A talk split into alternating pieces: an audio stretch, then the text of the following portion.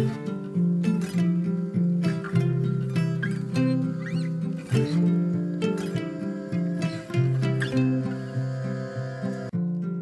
och välkommen till For Health med Anna Sparre. Här kommer ett riktigt spännande avsnitt. Vi ska prata med en man som framgångsrikt hjälpt så många människor till en bättre hälsa. Inte bara hjälper han gemene man med ohälsa och allt från energilöshet till barnlöshet. Flera av Sveriges mest framgångsrika idrottare ser Ulf Kilman som anledningen till sina medaljer. Och vi ska konkretisera vad och hur han gör. Hur kan vi genom att kommunicera med kroppen via nervsystemet förstå vad som händer och vad vår kropp behöver? Hur kan du själv enkelt testa om de tillskott och den mat du äter gör dig gott eller inte? Lyssna på det här spännande avsnittet. Hos Nyttoteket kan du bland annat köpa Real Broth som är benbuljong som torkats till pulver, kollagen, MCT-olja och andra nyttigheter. Allt är av absolut högsta kvalitet och helt utan onödiga tillsatser. Med koden SPARRE15 får du 15% rabatt på hela sortimentet på nyttoteket.se. Om du gillar avsnittet så är jag så tacksam om du vill dela med dig av det i en Facebookgrupp, på Instagram och till en vän. Och gå in och lämna en recension i iTunes. Jag behöver din hjälp för att göra podcasten synlig, för att kunna fortsätta göra gratis avsnitt och för att få hit intressanta intervjupersoner. Tack på förhand! Jag finns på facebook.com forhealth.se och på Instagram som asparre. På forhealth.se böcker hittar du mina e-böcker. På forhealth.se kan du även gå min distanskurs om du vill få grunderna kring kost, hälsa och viktnormalisering. Och så kan du boka mig som föreläsare, både online och på plats.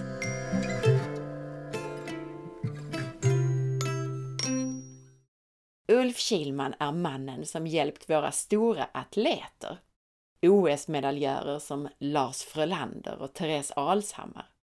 AIKs lagkapten Henok Goitom, som jag till och med fick träffa när jag var hos Ulf.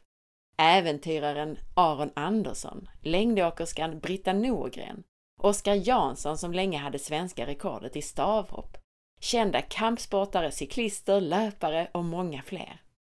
Men han hjälper också gemene man med i stort sett alla hälsobesvär det Ulf gör känns ärligt talat lite som magi. Men idag ska vi konkretisera kinesiologi och hur det faktiskt kan fungera.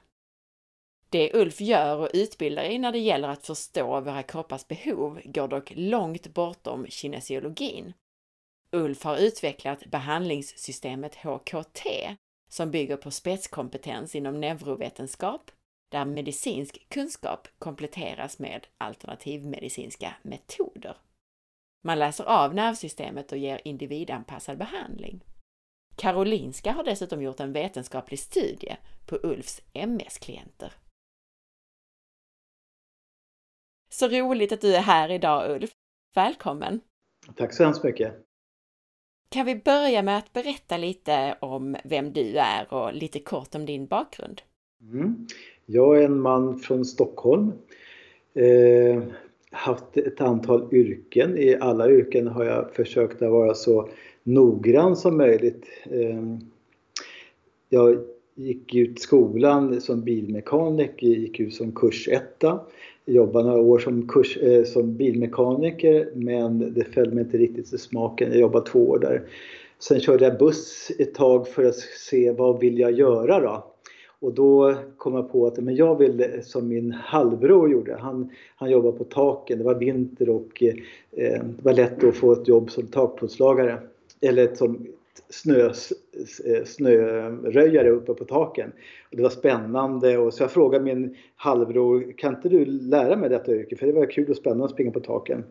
Då sa han, ja visst jättegärna. Men jag märkte rätt fort att eh, ja, eh, jag, jag behöver nog lära mig oss en, en, en, eh, som har lite mer varierade jobb.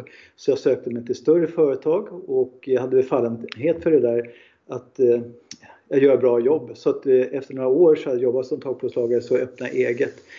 Jag öppnade eget tillsammans med en kille som jag lärde upp samtidigt så vi var två stycken i företaget. Vi gjorde väldigt mycket fina jobb så staten fick ju reda på att vi gjorde så fina jobb så vi fick Skansens alla jobb. Vi fick många statliga fina jobb, eh, mycket kopparjobb och sånt för staten. Men det där löste ögonen på större företag så det var ett större företag som, som eh, lurade oss på pengar så att vi gick i konkurs. När jag är i konkurs, jag får rätt mycket skulder, personliga skulder, så har jag ont i ryggen. Jag går till en kiropraktor. Jag tycker inte han är så duktig så jag ringer återbud till gång två. Då ringer han tillbaka och så säger han, jag tror att du skulle passa bra att sköta om mitt gym. Vill du göra det? Ja, jättegärna, sa jag.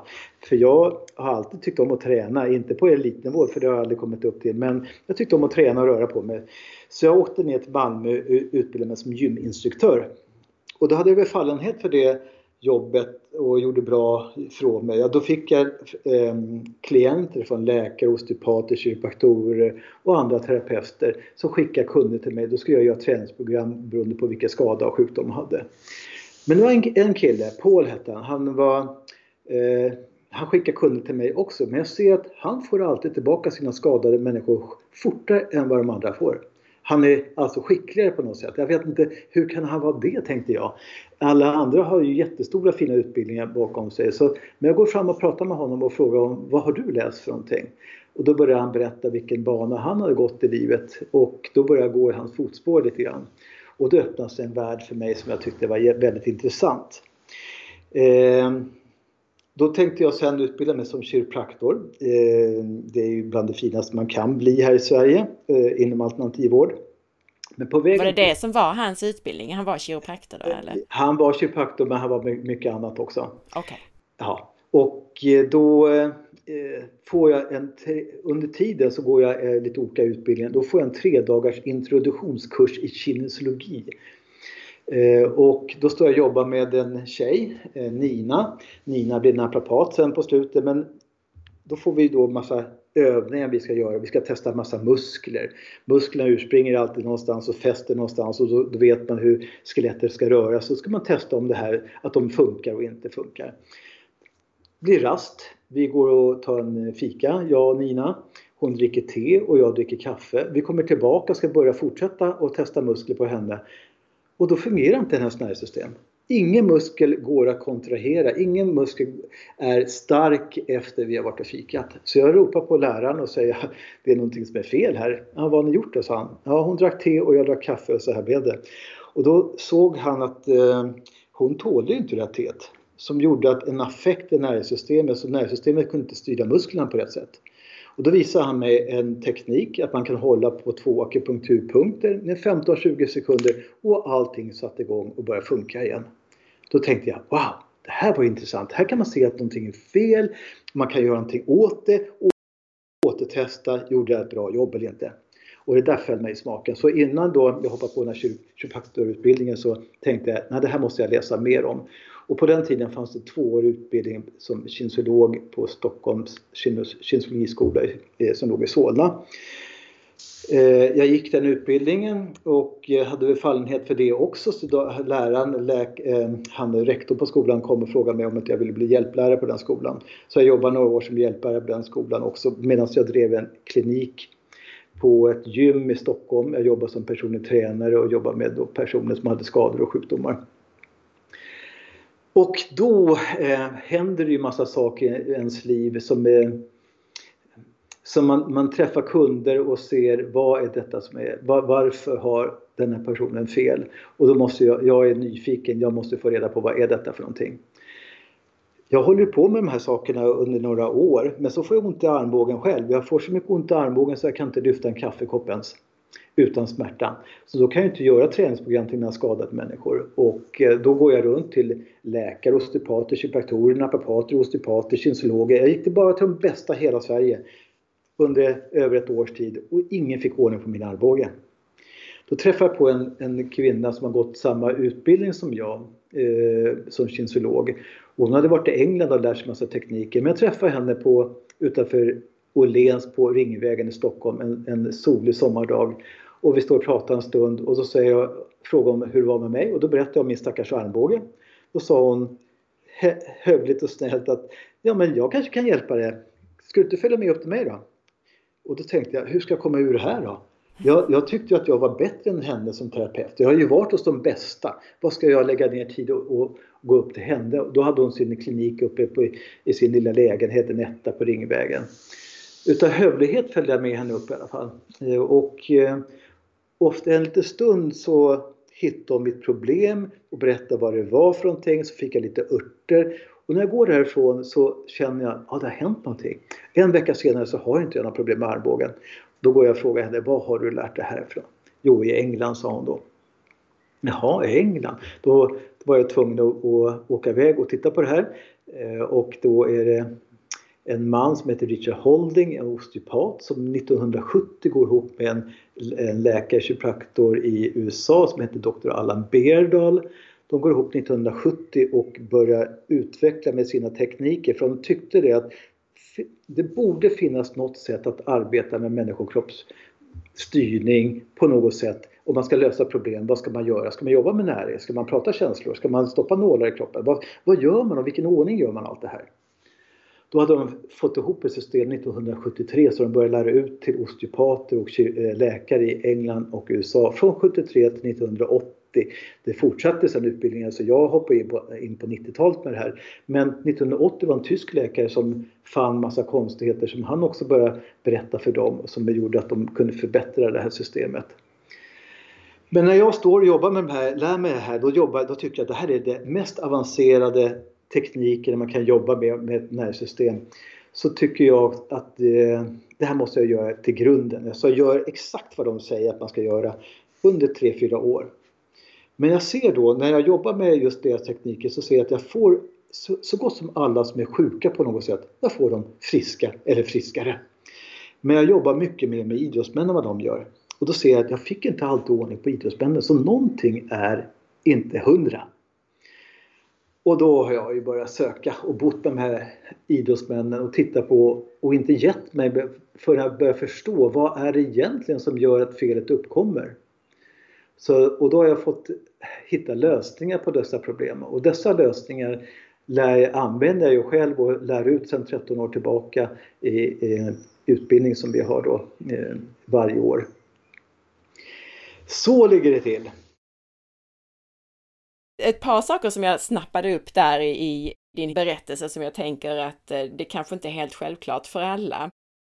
Det här systemet för det första som de här personerna utvecklade, som du började att använda där under några år för att arbeta med nervsystemet, var det baserat på kinesologi eller? Ja, ja det var det.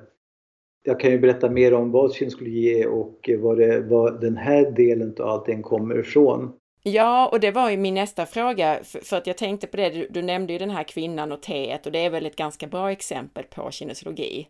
Mm. Ja, det förstås. Ja. Men då gör vi så, berätta gärna om just kinesologi mm. och vad det är. Ja. 1963 står en man som är en kiropraktor i USA som heter George Goodhart han är nyfiken, en, en eh, man som, eh, som jag försöker vara noggrann i mitt beteende med klienter. Han får in en kille som har problem med, med en axel som inte han har fått ordning på. Och han har varit runt hos kiropraktorer, osteopater, läkare precis ungefär som jag. Han har varit runt då i flera, flera år och försökt få ordning på det här men ingen lyckas få bort hans axelproblem. Då kommer han till George och George är, är seriös och han tänker ja men det här fixar jag lätt. Men efter fyra behandlingar har inte han heller fixat det här med axeln. Så han tycker att det här är konstigt, det här måste jag lägga mer tid på. Och då råkar han ta på en muskel som ligger under armhålan och när han tar på den muskeln så börjar alla muskler i axeln fungera och det gör inte ont att röra. Mm. Vad konstigt, det här har han aldrig läst om, aldrig hört talas om att kroppen kan reagera på det sättet. Så han tar bort handen därifrån och då får killen ont igen. Han kan inte röra armen utan smärta. Så han provar att lägga dit handen igen flera gånger och varje gång han tar på den här muskeln så börjar axeln fungera när den här mannen går därifrån så ringer han upp tio av sina närmsta kollegor, både läkare, osteopater, kiropraktorer och ber dem och frågar dem, har ni läst om det här? Har ni varit med om det här? Har ni hört talas om det här? Och ingen hade varit det. Så de går ihop de här 11 gubbarna och börjar titta på det här och, och då börjar de se ett mönster. Då ser man om man håller på en grundskada om man sätter hand på en grundskada så försvinner alla dessa fel som grundskadan skapar neurologiskt. Och då såg man också om man fungerar neurologiskt bra i alla muskler i kroppen så slutar de att, eh, kroppen att fungera bra om man håller en hand på ett problemområde. Men hur kan det vara så tänkte man. Så man höll på att fnula med det här. Då tog man en elektrisk utrustning. Då började man se att man har en viss sorts elektriskt ja, vävnaden är elektrisk på ett visst sätt på framsidan som är lite annorlunda på baksidan på kroppen. Och då såg man att eh, Ja, eh, och då hade man ju fått någon, ett mätinstrument lite grann och kunde se att, att för mäter man vävnaden på framsidan och så kommer man till ett område som inte gav samma elektricitet, då förstår man att det där stället styrs inte likvärdigt som vävnaden runt omkring. Och nu hade de någonting att börja med. Så de här elva gubbarna går ihop och tittar på det här. Och efter fem års forskning som de har hållit på med så sa de så här, vad vi har hittat i vår grupp är bara för bra för att hålla inom vår grupp. Vi måste börja lära, lära ut det här. Så det öppnas tio olika skolor runt om i världen. De heter Touch for Health, One Brain, eh, manuell kinesiologi och så vidare. Eh, tillämpad kinesiologi, applied kinesiologi i USA den mest kända då. Men doktor Allan Berdal som också var med i den här gruppen forskare, han hade ingen lust att lära sig eller lära ut vad han visste. Han ville veta mer själv. Så han åker iväg till Japan och är där tre år för att se hur tänker man när man är i Japan och lagar människor. Och sen är han i Kina några år och så hamnar han i Indien. I Indien så ser jag en massa människor som sitter och blundar, rabblar ramsor, benen kors och håller fingrarna på olika sätt och vis de beter sig lite annorlunda än vad de gör i västvärlden. Så han frågar sina läkarkollegor i Indien vad är det ni gör för någonting? Jag kan förstå att det kan vara skönt att sitta och blunda och sitta utan stolar. Ja, ja, ni beter er på det här sättet där. Men vad är det ni gör med fingrarna? Varför sitter ni och håller fingrarna i hopp och eh, kors på olika sätt och vis? Då fanns svaret de här läkarkollegorna i Indien att det här är ett sätt som vi har jobbat med i Indien lika länge som kineserna håller på med akupunktur. Det är ett sätt att kommunicera med kroppens nervsystem. Jaha, säger han då, för han har ju sett så mycket redan den här Dr. Allan Berdal. Men då får han en bok av de här eh, med mycket tecknade illustrationer på olika mudra som det heter, koder, fingerkoder som skulle höra ihop med olika kroppsliga inre funktioner. Då tänker Dr. Allan Berdal, om det finns någon sorts sanning i detta borde mina läkarkollegor i USA kunna hjälpa en forska på det här. Så han tar med sig boken till USA och börjar titta på det här och efter något år har de hittat flera hundra olika koder som verkligen hör ihop med olika kroppsliga inre funktioner. Och hur det kan förklaras? Ja, det verkar, alltså hjärnan är ju den delen i kroppen som ska, måste förstå vad som händer utanför dig och inuti dig. 50% av all information till hjärnan kommer från syn, lukt, smak och hörsel. 35% av all information till hjärnan kommer från händer och fötter. Och 15% från resten av kroppen. All den informationen ska hjärnan bearbeta. Det gör den med hormoner, aminosyror, transmittorämnen för att reglera och titta på gammal fakta och ny fakta och vad den ska göra. Och när den förstått, när hjärnan har förstått vad det är som pågår så skickar den ut elektriska signaler från hjärnan ner till organ, körtlar och muskler för att styra dessa system. Och varje signal som skickas ut från hjärnan är en stöt på 0,55 millivolt. Man kallar det för en aktionspotential. Och, och, och går strömmen eller stöten ner till en körtel så avger det ett sekret eller hormon som ska styra vissa funktioner. Går eh, signalen till muskeln så ska den kontrahera muskeln. Och det är så kroppen i stora drag fungerar. Och då kan det bli lite fel på det här. Och det är det vi som kinesologer är duktiga på att leta och titta på och utmana kroppen med olika muskeltester för att se vad, vad är det som inte fungerar? Vet vi någonting om det också? Mm. Och det är grunden till kinesologi. Det var den bästa förklaringen jag någonsin hört av det här, för att jag tycker alltid, och jag förstår att folk tycker att det är flummigt, för att jag tycker mm. aldrig att det är någon som har kunnat förklara det. Men det var en superbra förklaring verkligen. Tack! Och jag tänker också just betona en sak som för de lyssnare som är helt nya på det här med nervsystem mm. och så vidare, så bara betona det du sa om att nervsignaler i kroppen, alltså från hjärnan ut till kroppen och tillbaka, det är ju elektriska signaler som går i nervceller. Ja. Ja, men det är jättebra. För det är klart att jag som håller på med det hela dagarna har väl läst på om det. Men är man ny om det här så kan man inte förstå att det går faktiskt elektriska signaler i kroppen fram och tillbaka. Så, och eh, en liten eh, härlig historia om det är ju att vi, män, vi människor är ju nyfikna varelser och vi har ju hela tiden utvecklats och blivit nyfikna på nya saker. När vi upptäckt någonting som är, då förstår vi lite mer om det och så. Människan såg ju en gång i tiden att en haj simmar ju omkring i havet och, och söker sig runt omkring och helt plötsligt kan man se en haj dyka ner i sanden i botten och hittar en rocka som den tar i sanden och tar och äter upp. Men hur kunde hajen hitta rockan? Det var intressant. Så då började man undra, men till slut så började man förstå, ah, rockan är precis som vi. Som fåglar, fiskar och Eh, djur och vi människor har ett elektriskt nervsystem. All den elektricitet som pågår i kroppen bildar lite magnetfält runt kroppen. Och det är det som eh, hajar då har receptorer i huden av för att känna av magnetfält. Så den kan hitta sitt byte i sanden. Så all den här elektriska trafiken vi har i kroppen eh, använder kroppen också lite grann för att känna av och se saker. Vi ser och hör saker som jag sa och känner saker och förnimmer saker men också så allt som kommer innanför det här lilla magnetfältet reagerar kroppen på, plus eller minus. Och det kan man också läsa av på olika sätt och vis. Och om vi nu ska försöka visualisera det här lite för lyssnaren, om man nu aldrig har varit med om, om det här, jag har ju till exempel varit hos dig mm. och när jag då kommer till dig, alltså hur kan det se ut? För jag vet du testar ju olika muskler och så vidare och du använder väl de här mudrasarna, de här koderna mm. med fingrarna. Så om du bara kan visualisera lite hur det kan gå till. Eh, man sätter sig med en kund först för att höra lite grann vad, varför den personen kommer och vilka problem den har och haft länge haft det och, och när det uppkommer, eh, hur det utlöses, vad som händer då och få en liten hum om det, skriver lite upp i amnesen om det.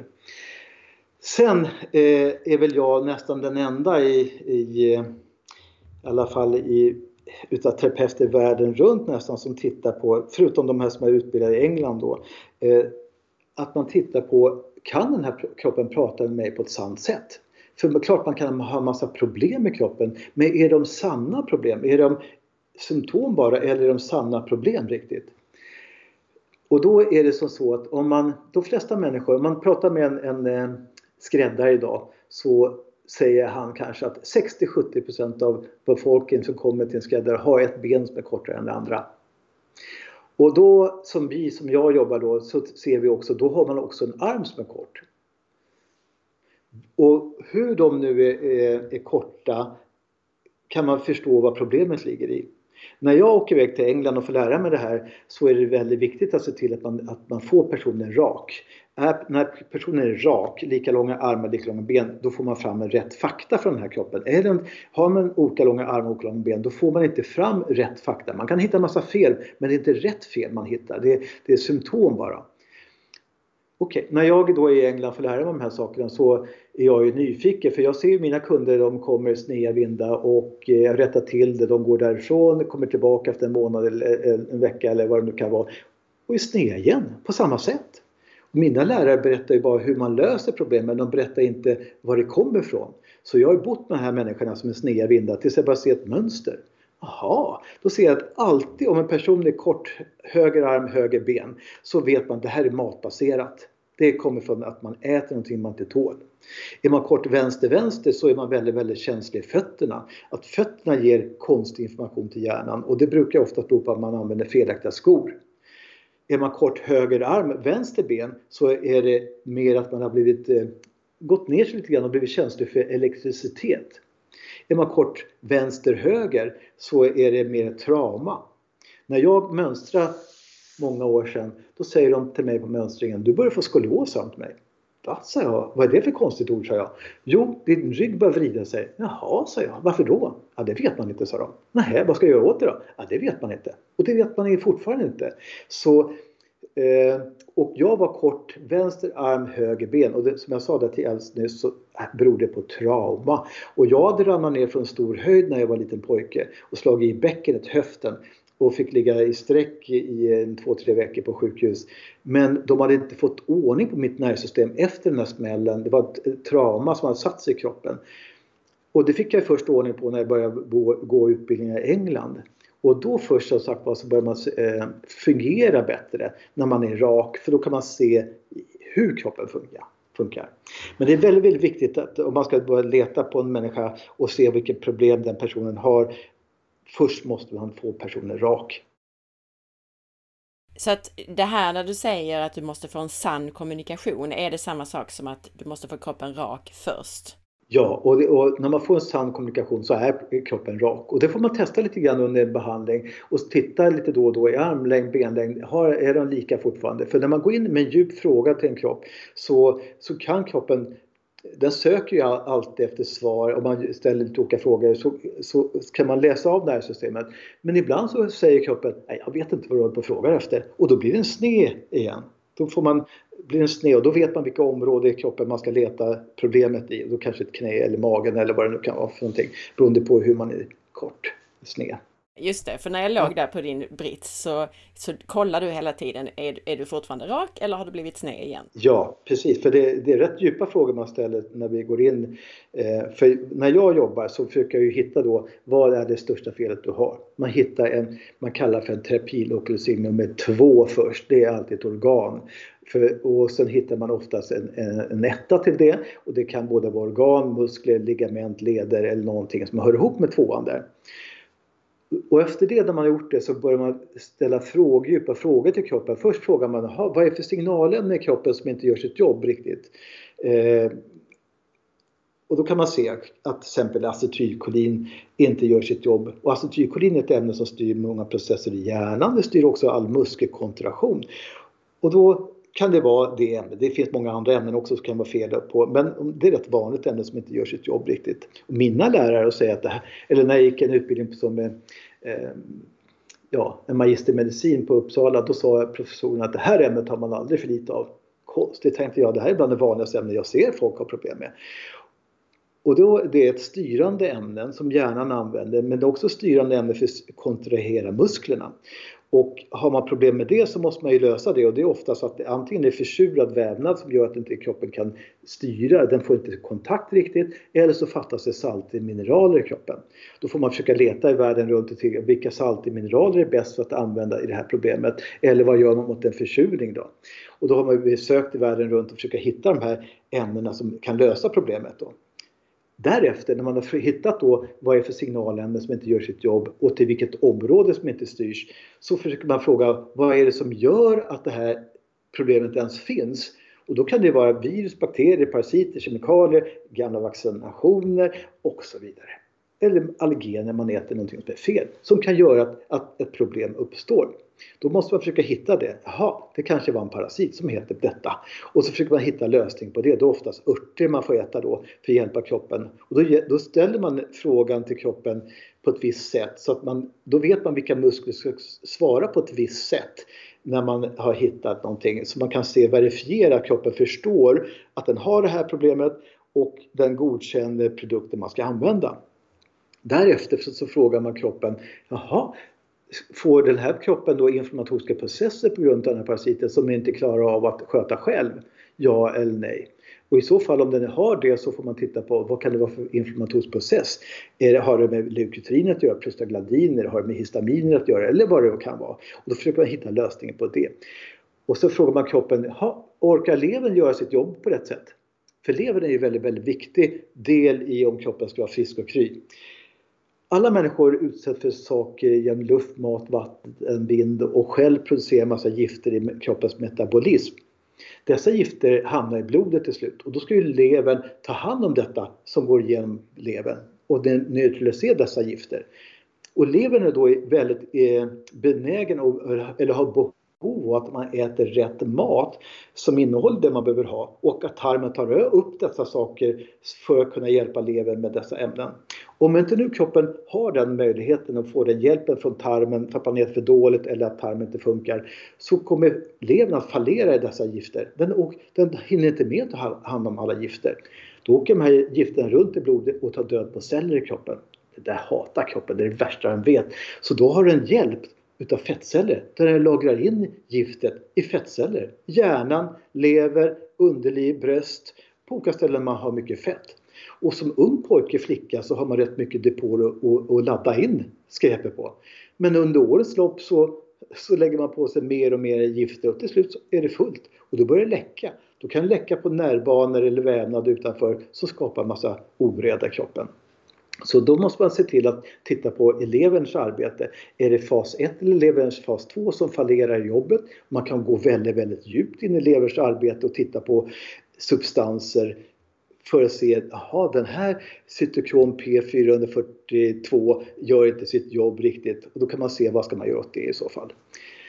Och så frågar man sen kroppen, Moka frågar om, om den behöver hjälp med eh, enzymer för att bryta ner maten eller inte. Och när man fått fram all fakta eh, runt ett problem så aktiverar man felet så kroppen kan svara på själv vad den tycker man ska göra. Vi har bara gett den lite ledtrådar till vad den, eh, vad den har för fel, vad man kan göra åt det. Sen ska kroppen själv få välja, för den vet ju oftast mer än vad jag vet om felet, var den ligger och vad den vill ha för hjälp. Och då kan kroppen välja att gå in i struktur först. Att den vill, ja men jag vill hellre att vi manipulerar en kota. Vi vill hellre att vi ska rätta till någonting i ryggraden eller någon muskel eller det finns olika tekniker. Det finns 80 olika tekniker man kan gå in i den genren då. Om kroppen nu tycker nej, nej, nej, eh, eller vi är färdiga inom den genren, då kan den övergå sen och titta på just det här. Hur ska jag få bort den här parasiten och vilka ämnen man har visat tidigare. Vill jag ha de ämnena i så fall? Och vilken ordning vill jag äta dem? Och vilken mängd utav allting ska man ha och hur länge kan man få fram? Så jag har ju stått och jobbat med det här så många, många år och blir alldeles fascinerad av vad fantastisk kroppen är om man bara vet hur man ska fråga den om olika saker. Och till mig kommer ju folk från Ja, de kommer från 30 olika länder, minst 30 olika länder flyger de in. De kommer från Dubai, de kommer från Ukraina, de kommer från Ryssland, de kommer från England, USA. De flyger in på en, två timmars behandling, åker hem en, två månader, kommer tillbaka på en återbesök och så. Ja, och efter, oftast på en till tre behandlingar brukar man vara klar mot sitt problem. Och mitt, min sak är ju att jag ska, måste vara nyfiken för att se så jag ser att, jag, att det kommer åt de felen som ska vara kroppen är fantastisk och berättar om man bara vet hur man ska söka. Ja, det var en fantastisk eh, upplevelse att få besöka dig, för man kan inte tro, alltså när, jag kan tänka mig att lyssnarna tycker att det här låter helt ofattbart om man inte ja. själv har fått uppleva det. Så jag ska försöka backa bandet lite grann. Jag gör det. det här allra första du gör, du, då ska du se till att få en sann kropp, alltså den som, som är rak och som därför då svarar på ett äkta sätt. Hur gör du det? Alltså hur får man den sann eller rak? Ja, jag, det var så när jag fick lära mig här, då ska man använda, då ska man hitta, beroende på hur man är sned så vet man var ungefär man söker problemet. Om man är kort höger höger så vet man det har med mat att göra och då är det så någonstans under diafragman på kroppen så finns det ett problemområde som kroppen kommer visa. För då tar man på underkroppen och man kommer reagera på ett visst sätt som är annorlunda på en enda punkt under diafragman och det är det punkten som området som ger konstinformation till hjärnan som är utlöst utav mat då, om man är kort höger höger. Och på då när jag fick lära mig då ska man smörja, använda arosomaoljor. arosomaoljor är 103 olika flaskor med ja, någon energi, ja, jag vet inte vad man ska säga men det, det är någon sorts eh, laddad eh, olja med olika energi. Det är olika färger eh, som ligger med flaskorna. Men det, problemet då att jag åker ju runt med idrottsmän hela världen runt på olika OS-arenor, VM-arenor och annat. Och jag får inte ta med mig glasflaskor in på arenor. Så efter år 2000 i Sydney så sa jag till mig själv, nej, jag kan inte hålla på så här. Jag kan inte hålla på och försöka smuggla in de här glasflaskorna överallt. Jag måste hitta ett annat sätt att få ordning på det här. Så jag har studerat och tittat och läst eh, medicin och tittat på och och någonstans så hittade jag i texterna att det, var, att det fanns eh, neurologiska reflexpunkter på kraniet som kunde lösa vissa neurologiska problem i hjärnan och i innerkroppen som vissa personer hade hittat. Så jag började titta på de punkterna och se att ja, de kan lösa faktiskt vissa av problemen jag hittat. Men jag fick hitta några punkter till på kraniet som och då har jag fått ordning på ett system som är fantastiskt för att lösa fakta så kroppen förstår. Eh, och det är det man, de jag använder då eh, för att hjälpa kroppen att bli rak i detta läge. Okej, okay, så att om det då är så att du ser att man är sned på det sättet så att det är någonting, att man äter något man inte tål. Det är inte så att man måste gå hem och fixa till sin kost innan man kommer tillbaka och fortsätter? Nej, nej, nej, nej, nej. utan det här löser man på några sekunder. En halv minut så löser man det, att man blir sned. Just det. Men man bör och, väl ändå på något sätt ta hänsyn till det där med att man äter någon mat som gör en sned? Ja, om, absolut. Och det ser jag att det vanligtvis det som gör en sned, om det är matmässigt någonting, så är det oftast vetemjöl. Vetemjöl är någonting som eh, kroppen inte tycker om. Man kan ju jag var ju en sån kille. Jag hade min klinik på Götgatan ett, ett, ett, några år och på andra sidan gatan fanns eh, Gunnarssons fik. Och på rasterna gick jag gärna över och tog en kopp kaffe och en varm kanelbulle. Jättegott! Det är nästan vattnas i munnen jag tänker på det fortfarande. Men, och ingen av mina lärare, jag har varit runt hela världen och gått till lärare hos läkare, osteopater, kiropraktorer och annat. Och ingen någonsin har pratat mat egentligen. Ingen har någonsin har pratat mat. Men jag börjar se det på mina kunder att att vissa personer har återkommande problem på grund av att de äter någonting som är fel för kroppen. Och inte så sällan, speciellt för folk då som är korta höger höger, så är det vetemjöl som är problemet. Och då har jag ju satt mig in i det här lite mer, och tittat på det här. Då ser jag det att, för jag slutade ju själv äta vetemjöl. Och då märkte jag, om jag råkar få i mig vetemjöl, sen senare när jag blev av med det, då kände jag, aha, det var ju så här jag kände mig tidigare. Jag var, jag var lite diss i huvudet när jag åt vetemjöl. Det inte något, jag var ju van att vara lite diss i huvudet där. Men det försvann när jag tog bort vetemjöl. Om man tar bort vetemjöl ungefär en månad så börjar ju många problem försvinna. Och råkar man få i sig vetemjöl igen då, ha, då kanske en del får ont i magen, en del får ont i knäna, en del får ont i huvudet eh, och, och, så. Då börjar man se, att det var det som, som var så som jag kände mig tidigare om det nu är då, då hittar man då till exempel eh, om det är mat. Då ta, hittar man det under diafragman och då försöker man, då hittar man, får klienten eller jag hålla på det området samt man hittar den reflexpunkter på kranet och då håller man på de två samtidigt. Så då verkar det som att neurologiskt hjärnan hittar området och, och rättar till problemet så man blir rak. Och då kan jag fortsätta sen min undersökning. Men man kan inte fortsätta och få rätt svar från en kropp som är sned. Och i mitt fall minns jag att då var det inte maten utan jag för mig att det var med mina fötter att jag använde skor som gjorde att ja, jag blev... Ja, du var kort vänster vänster ja, precis. Just det, och då, då var det också samma att jag fick hålla på något och du tryckte på något ställe mm. och sen blev jag rak. Och jag kunde ju själv, jag fick ju själv uppleva det här att jag blev rak. Mm. Och varför jag hittade det här med skor då? För det var ju så, jag, jag fann ju här att, att det var skor och sånt där. Men jag har en fantastisk historia om, för jag var tvungen att gå vidare med skor eh, senare. År 2000 så var det Erik Van. Erik Van var Nordens snabbaste sprinter. Han hade oförklarliga problem som läkarvården och terapeuterna i landslaget inte hittade vad de skulle göra åt. Så han hade vadproblem. Han kommer till mig, eh, jag får ordning på hans problem så han kan börja springa igen. Och då är det världscupstävlingar i Gävle på den tiden.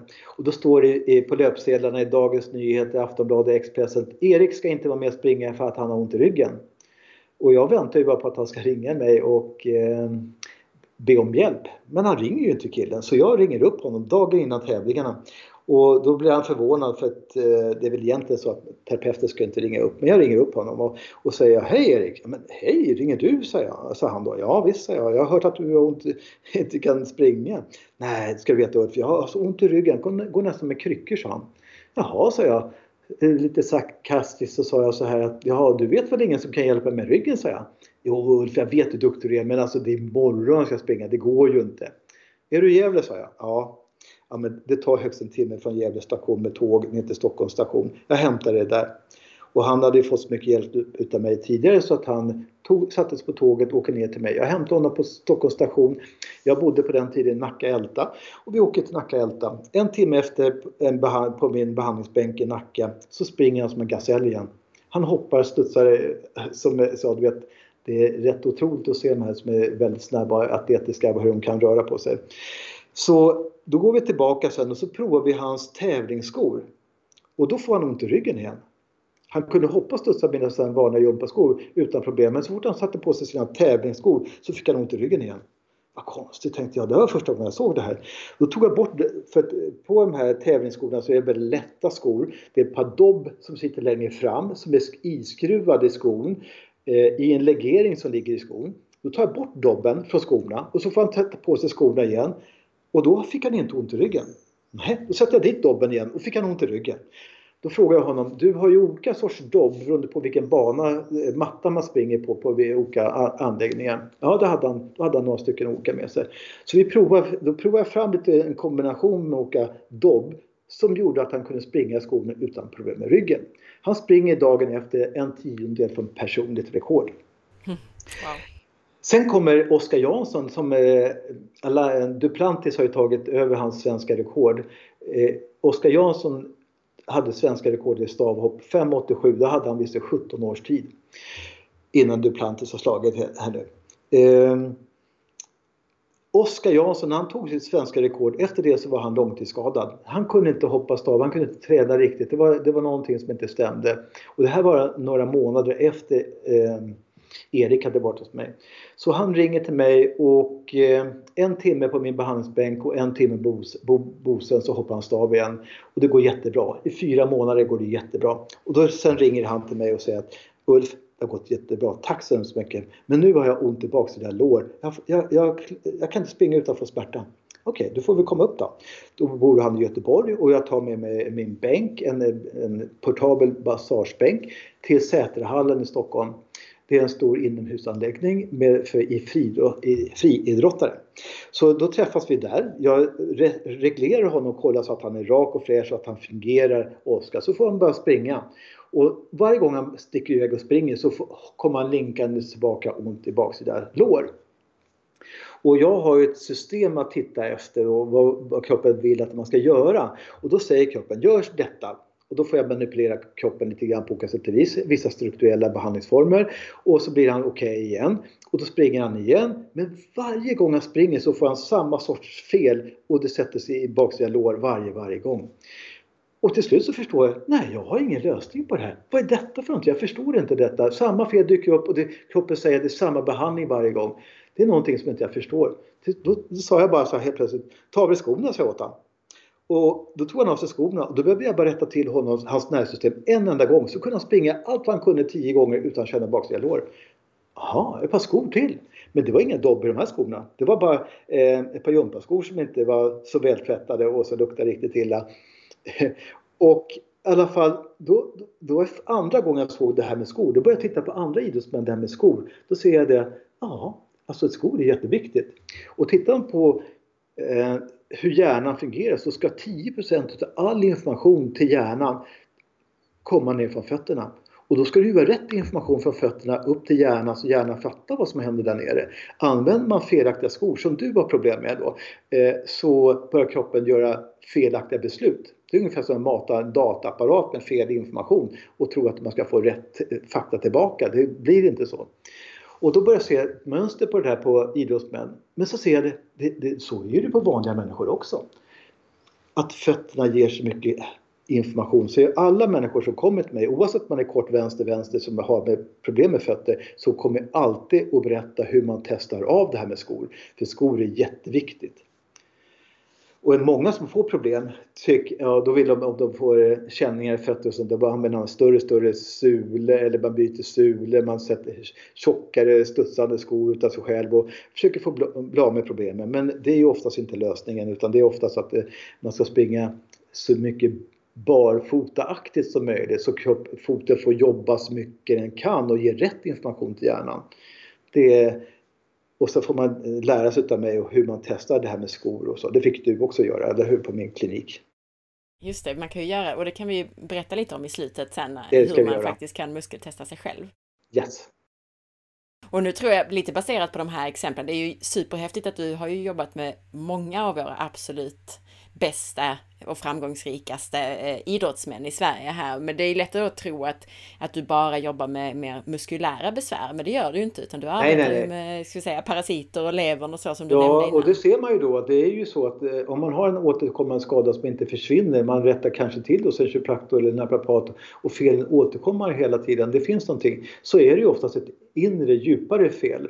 Och det är så här att alla muskler är på ett sätt connectade med organ i kroppen. Organ och körtlar.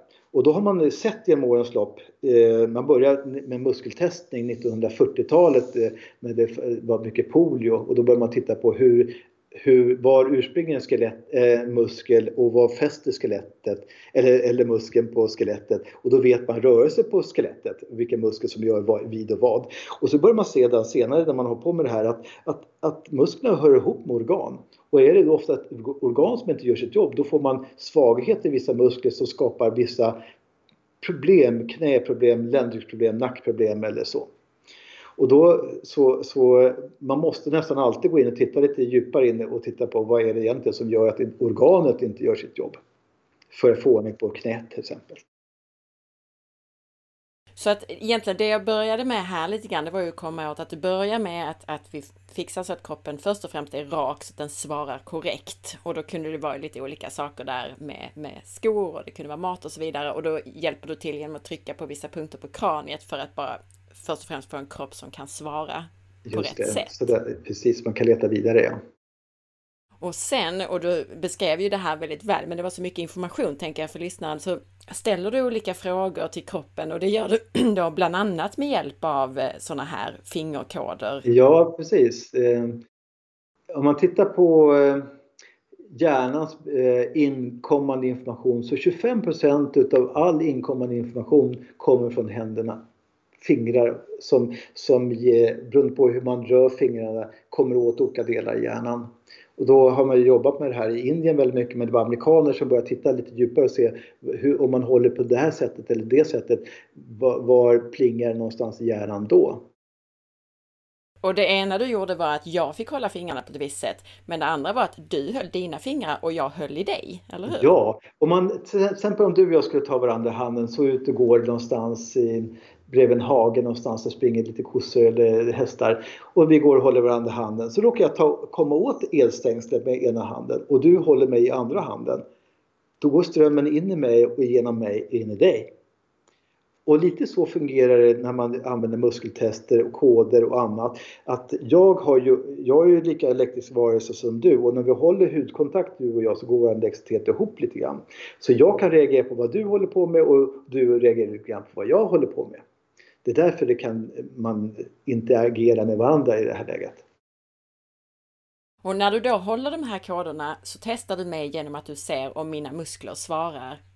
Om de är starka och ger ett bra svar eller om de bara blir svaga. Eller hur? Ja, precis.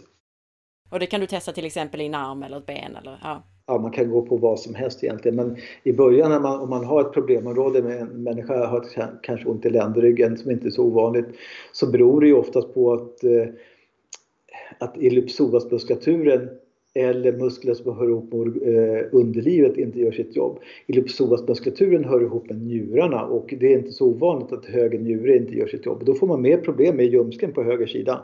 För den muskeln gör inte sitt jobb. Och då får man då andra muskler där som får krampa ihop lite mer och då blir det lite obalans i detta läge. Och det är inte alls ovanligt. Och det pratar man till exempel eh, med andra terapeuter, till exempel Marcus eh, Greus vet jag att ni har haft och lyssnat på. Eh, som, och han säger, ser också samma sak, att det är en eh, rätt vanlig skada många människor har, att man är svag i höger ljumske om man då har ont i ländryggen så, så, frågar du varför några gånger kan man säga och då börjar du rota i, okej, okay, om det är njuren, varför fungerar inte Precis, precis, varför? Och det är oftast beror på att levern inte gör sitt jobb. Varför gör inte levern sitt jobb? Jo, för att inte tarmen funkar riktigt.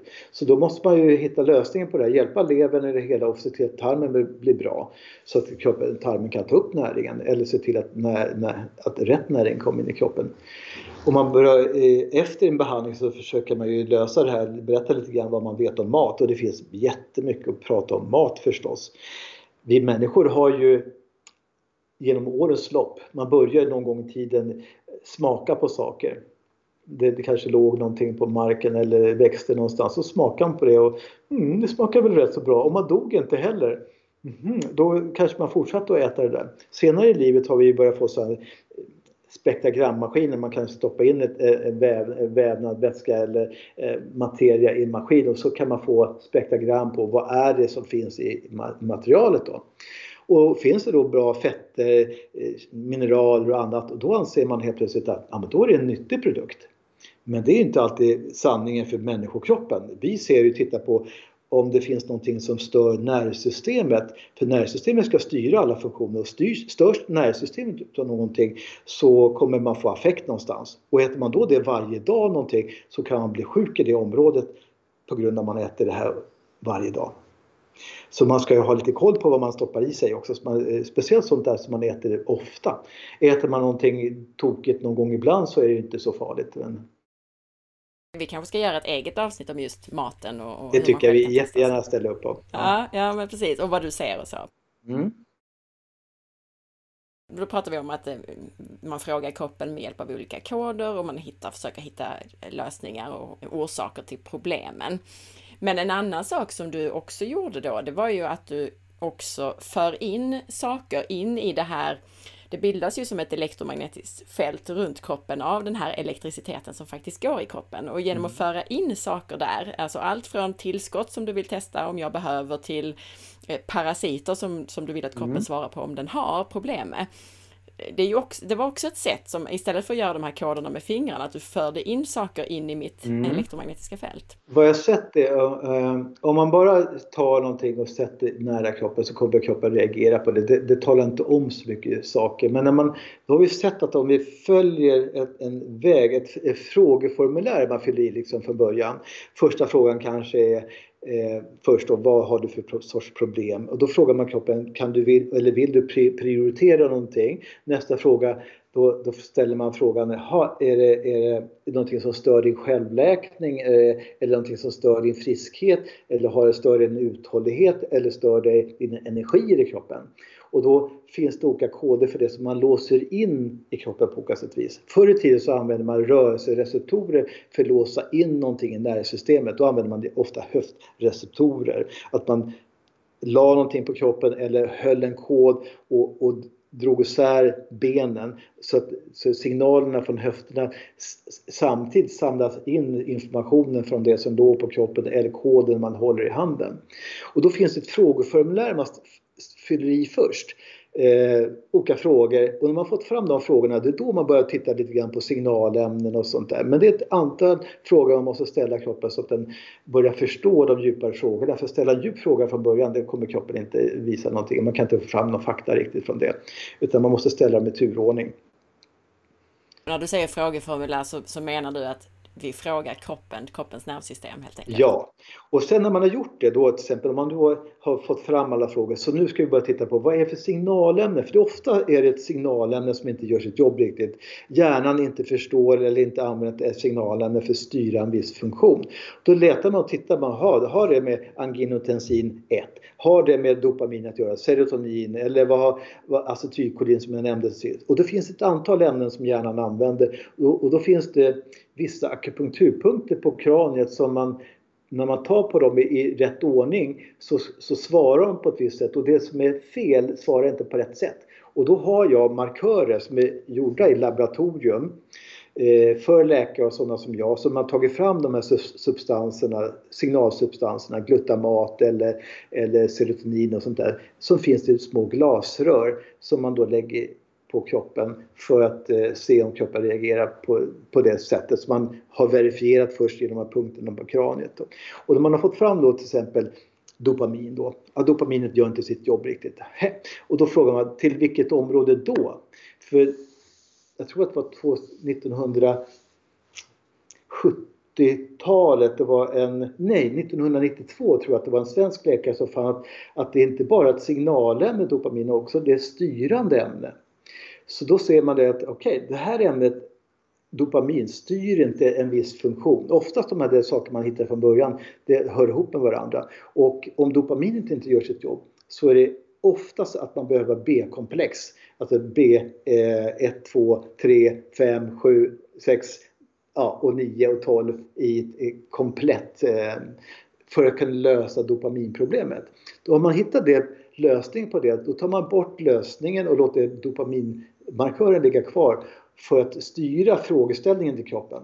Och då frågar man nästa fråga, ha, vad är det som gör detta problem? Är det ett virus? Är det en bakterie? Är det en parasit?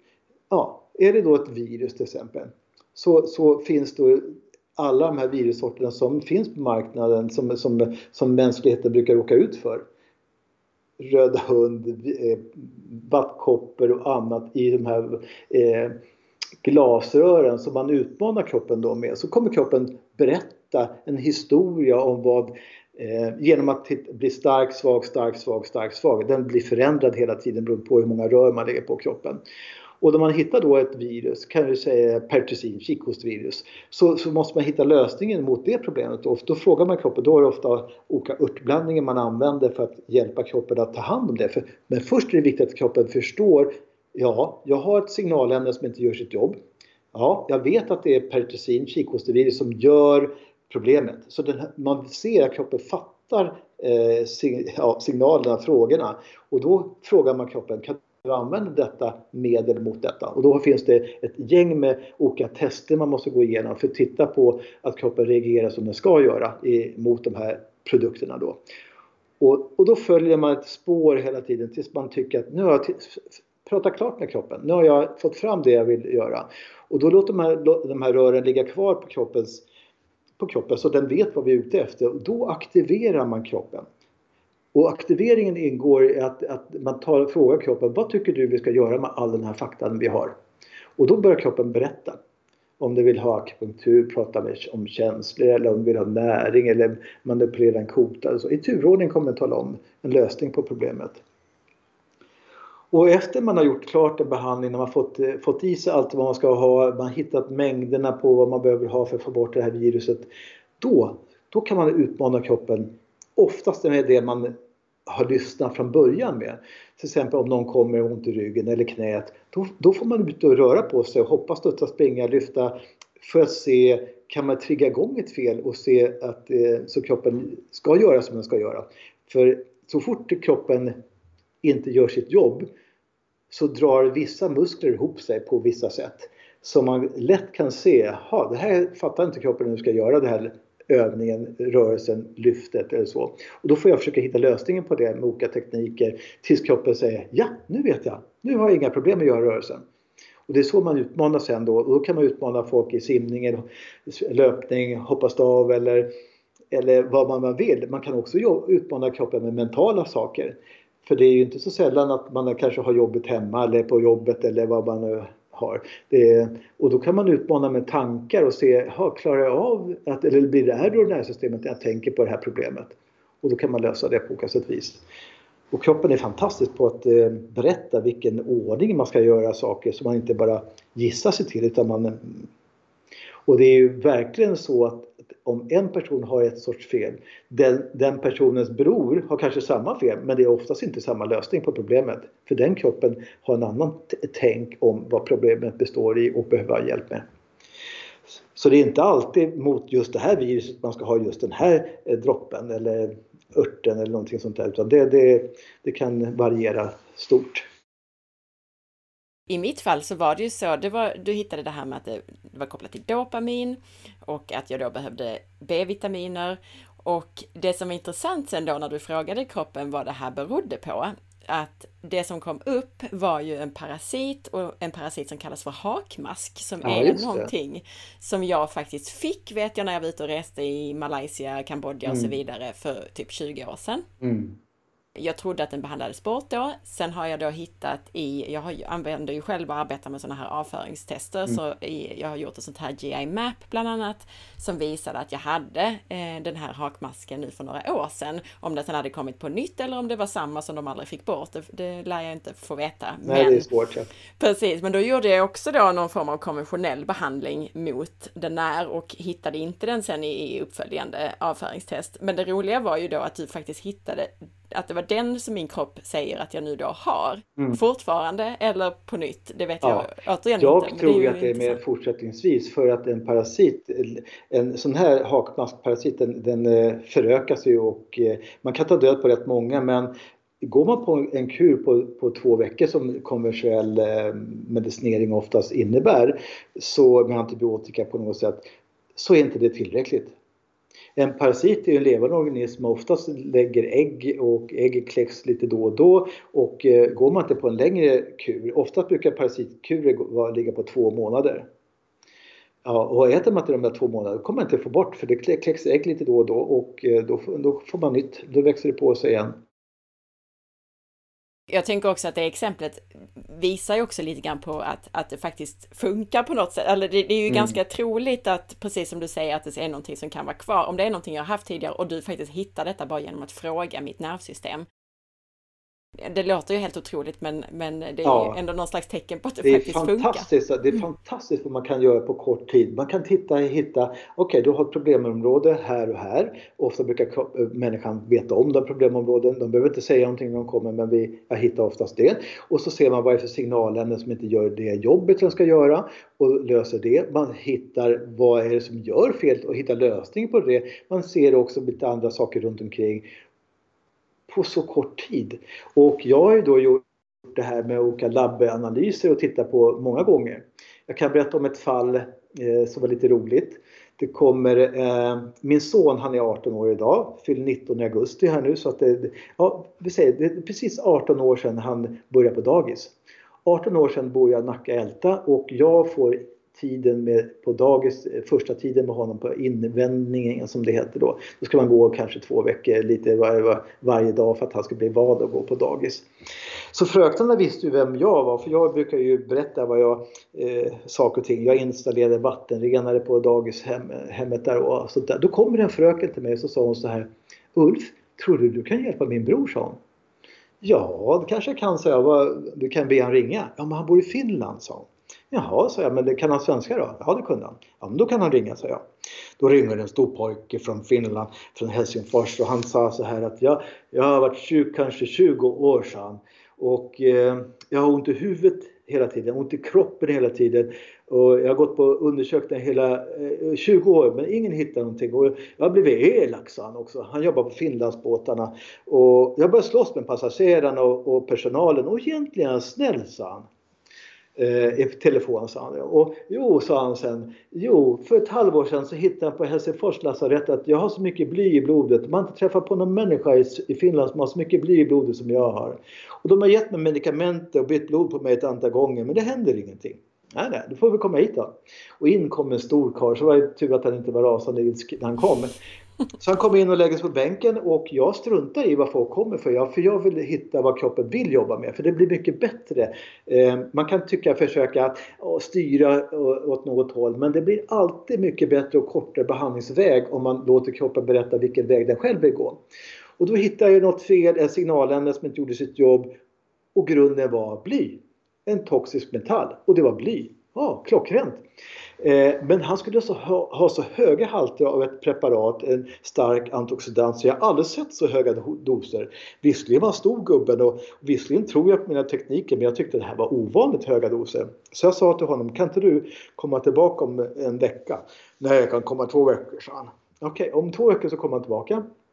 Och då sa han, jag är frisk igen. Jag har inte ont i huvudet, jag är helt frisk, jag har inga problem alls. Och snäll jag blivit igen, sa han. Ja, vad kul, sa jag. Eh, men jag vill lägga honom på bänken igen och så går jag tillbaka in i systemet och tittar för då kan jag gå in och leta eh, på olika sätt och vis och se om, om vi hittar något mer bly. Och då hittade inte jag någon, eh, jo, då hittade jag att det fanns fortfarande kvar bly men vi kan sänka dosen till halva dosen ungefär i två veckor till. Så två veckor senare då kom han tillbaka igen, då har det gått en hel månad. Då sa han, nej jag har inga problem, jag är frisk igen nu, jag har inga problem. Och då går jag in och tittar och ser att nej, jag hittar ingen mer bly med mina metoder. Då bad jag honom åka till samma lasarett, gå till samma läkare, gör samma tester som de har gjort och skicka mig svarsresultaten. Och då kom det fax på den tiden med, med smarrgubbe på och det fanns inget ppm kvar utav bly överhuvudtaget i bly, i bly i kroppen. Och de undrar i Finland hur gick det här till? Och han är fortfarande frisk.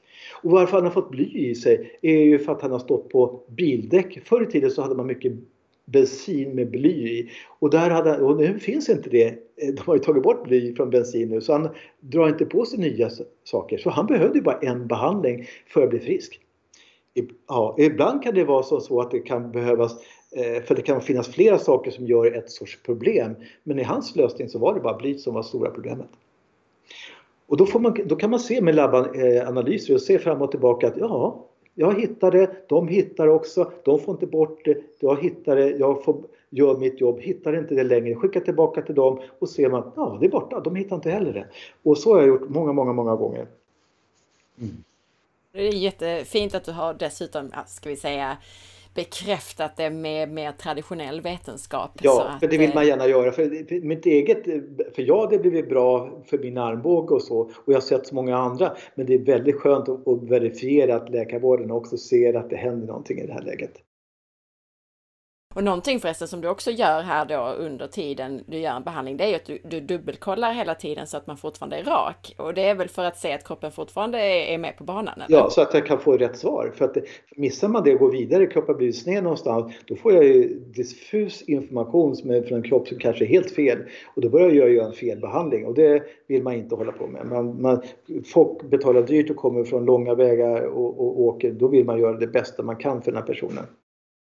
Men apropå det tänker jag, det här med att han säger att jag har jätteproblem och jag, de har uppmätt att jag har massa bly. Blir det inte lätt då att du har någon slags förutfattad mening som du för med dig in i den här, alltså att du på något sätt påverkar hans kropp med din förutfattade mening? Ja, och det är väl det som är det svåra i det hela. Och jag försöker alltid lära mina elever, ju bättre neutral du kan vara, alltså du inte bryr dig vad de kommer för utan bara läser av vad kroppen säger, desto bättre kommer behandlingen bli. Så jag påpekade hela tiden under mina behandlingar. För är det som så att du, du tror någonting, då, då vill du gärna ha rätt i din tro där. Jag, kom, jag var på väg till England, ska gå på en utbildning en gång och då möter jag en kille som jag ska åka samma flyg med ner till England. Och då kommer han springande och är alldeles entusiastisk och säger han så här, jag vet precis, Ulf, jag vet precis när en kund kom in vad de har för fel. Jag vet precis vad jag ska ge dem. Och då tänkte jag, nej stackars dem alltså. För det, det är klart att han vill ha rätt.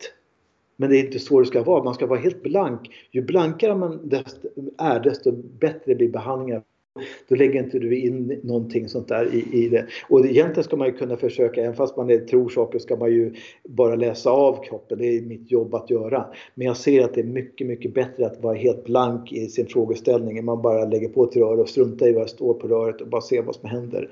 Det är mycket bättre. Man får komma mycket, mycket längre in i, i den riktiga världen på det sättet. Sen om man läser på er hemsida så står det inte bara kinesologi utan då står det HKT. Och mm. det är någon slags vidareutveckling av kinesologi, eller? Vad är skillnaden? Ja, eftersom jag har gått då massa, det finns ju som sagt var manuell kinesologi som man lär ut här i, i, i, Sverige. Men det finns Touch for Health som är den första metoden man kanske lärde ut. Eh, det, eh, man, eh, applied, tillämpad kinesologi Eh, används av kiropraktorer och eh, så runt med världen. Eh, det finns olika skolor.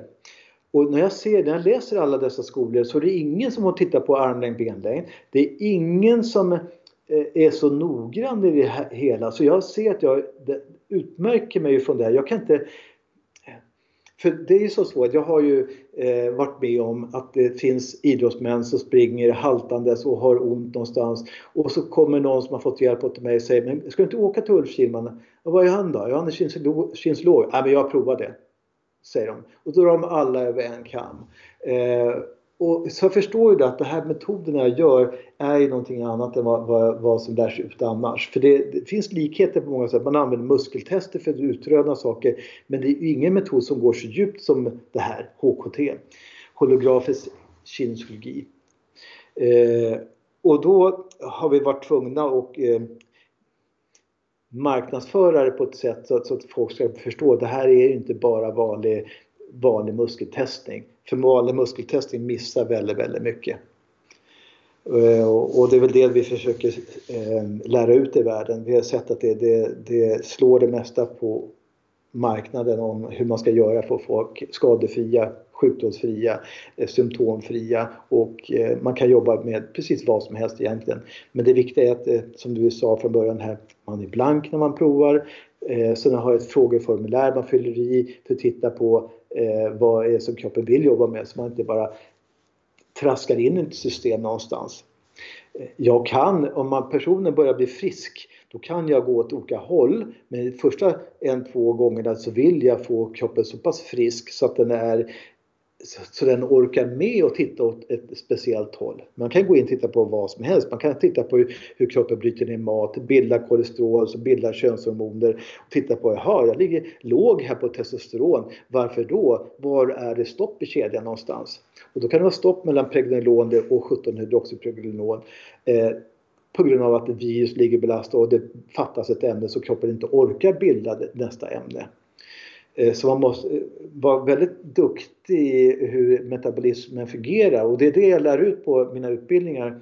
Eh, först ett grundtänk så man kan gå väldigt djupt och få de flesta friska men sen ska man kunna gå in och titta på hur, fung hur fungerar en lever? Hur jobbar man djupare in i leverns arbete? Eller hormonsystemet, köldkörteln, hur, hur funkar det egentligen? Det är ju tarmen som tar upp näring som ska bilda styrande ämnen till köldkörteln men det är hjärnan som styr produktionen av tyroxin i det vävnaden. Men det kan bli lite fel lite var som helst. Men inte så sällan så är det tarmen som gör, inte tar upp näringen så hjärnan talar om för köldkörteln, hallå öka produktionen då. Men den klarar inte av det, då orkar inte hjärnan säga till längre, då, då blir det lågt allting till slut. Så det du menar här med att du vill gärna börja ska vi säga, på ett blankt papper är då, som i, som i mitt fall till exempel, nu kom jag inte och bad om något speciellt, men om jag skulle ha kommit och sagt att eh, eh ja, men jag skulle vilja bli gravid, säger vi. Ja. Då hade du ändå velat börja de första två besöken så här. Då letade du ju först och så hittade bland annat då en trolig parasit och eh, du frågade min kropp vad den ville, hur, hur den ville att vi skulle behandla det och jag har fått eh, eh, några örtdroppar bland annat. Och sen så vill du följa upp det och sen skulle man då efter det möjligen kunna fråga mer specifikt mot hormoner, eh, ja. fertilitet och sådana bitar. Ja, om, om det skulle vara det. Jag har ju rätt många som kommer, eh, hade par precis innan eh, den här intervjun där de eh, har försökt att bli med barn, det blir bara abort hela tiden, alltså hela kroppen stöter bort. Och då är det en kropp som inte orkar bära ett foster i det läget. Då måste man ju få kroppen bli frisk först för att eh, kunna bära ett barn. Och när han börjar bli frisk nog, då finns det olika möjligheter att se var och eh, så, vad som är, om man går in och tittar på hormonsystemet tittar på vad är det som är fel eller inte. Du har ju redan gett oss en, en hel massa spännande exempel här på personer som du har hjälpt, eh, bland annat ett par olika idrottare och du mm. pratar också om, om den här personen med bly. Har du något annat sånt här exempel som du skulle vilja dela med oss här idag? Eller ska vi ja, vi, vi, du börjar ta upp det här med eh, barnlöshet. Mm. Mm, det har en liten rolig historia på det. Eh, Lotta kommer till mig för många år sedan och eh, hon är filmmakare eller skriver böcker om filmmanus och så och eh, hon har försökt länge att bli med barn. Men hon får inga barn. Hon eh, gör, går igenom eh, ja, graviditets...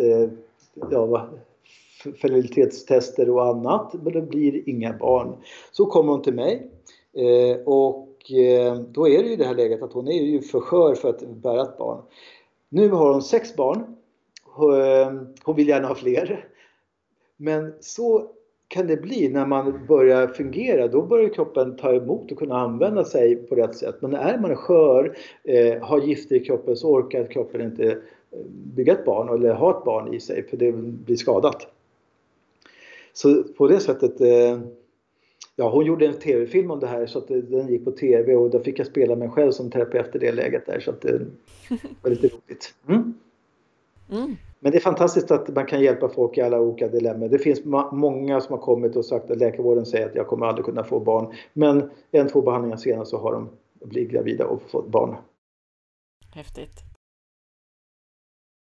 Oavsett exempel och så, bara för att folk ska förstå, vem kan ha hjälp av det här? Vilka besvär blir typiskt bättre och, och vilka kommer typiskt till dig? Oftast till exempel om man har en idrottsman som, som eh, har ett problem då har vi oftast läkare och terapeuter runt i klubben kanske. Och om de eh, har ett problem som inte de verkar klara av så brukar de dyka upp hos mig sen. Men det är först när de andra inte klarat av det. Sen vilka problem man kan ha, man kan komma med precis vilka problem som helst. För det är egentligen så att det, det kroppen säger, jag förstår inte problemet, jag vet inte hur jag ska lösa problemet, det är därför jag har problemet. Och mitt jobb är ju allt från ont i knät eller ont i foten, ont i huvudet eller, eller eksem eller vad det nu kan vara. Så är det så att kroppen säger, jag funkar inte, jag lever men det är inte riktigt som det ska vara. Och då är mitt jobb att börja leta och titta på vad kan det vara som gör att felet ligger där? Och det är inte så sällan att, att man har genom årens lopp dragit på sig lite gifter eller parasiter eller något annat som ligger och belastar kroppen. Man överlever det mesta men, men det blir kanske inte lika så bra som det skulle vara. Nej. Precis. Att överleva är inte riktigt samma sak som att Nej, leva friskt och hälsosamt. Nej, så är det. Om vi nu ska ge lyssnarna några konkreta råd på vad de kan göra själva, var, var börjar man då? Jag eh, har ju börjat titta och se vad, hur kan man göra då? Det började själv egentligen med att jag Eh, hade själv eh, gjort en stor behandling med, med hjälp av min fru på mig själv när vi, vi hade min klinik vid Skogskyrkogården.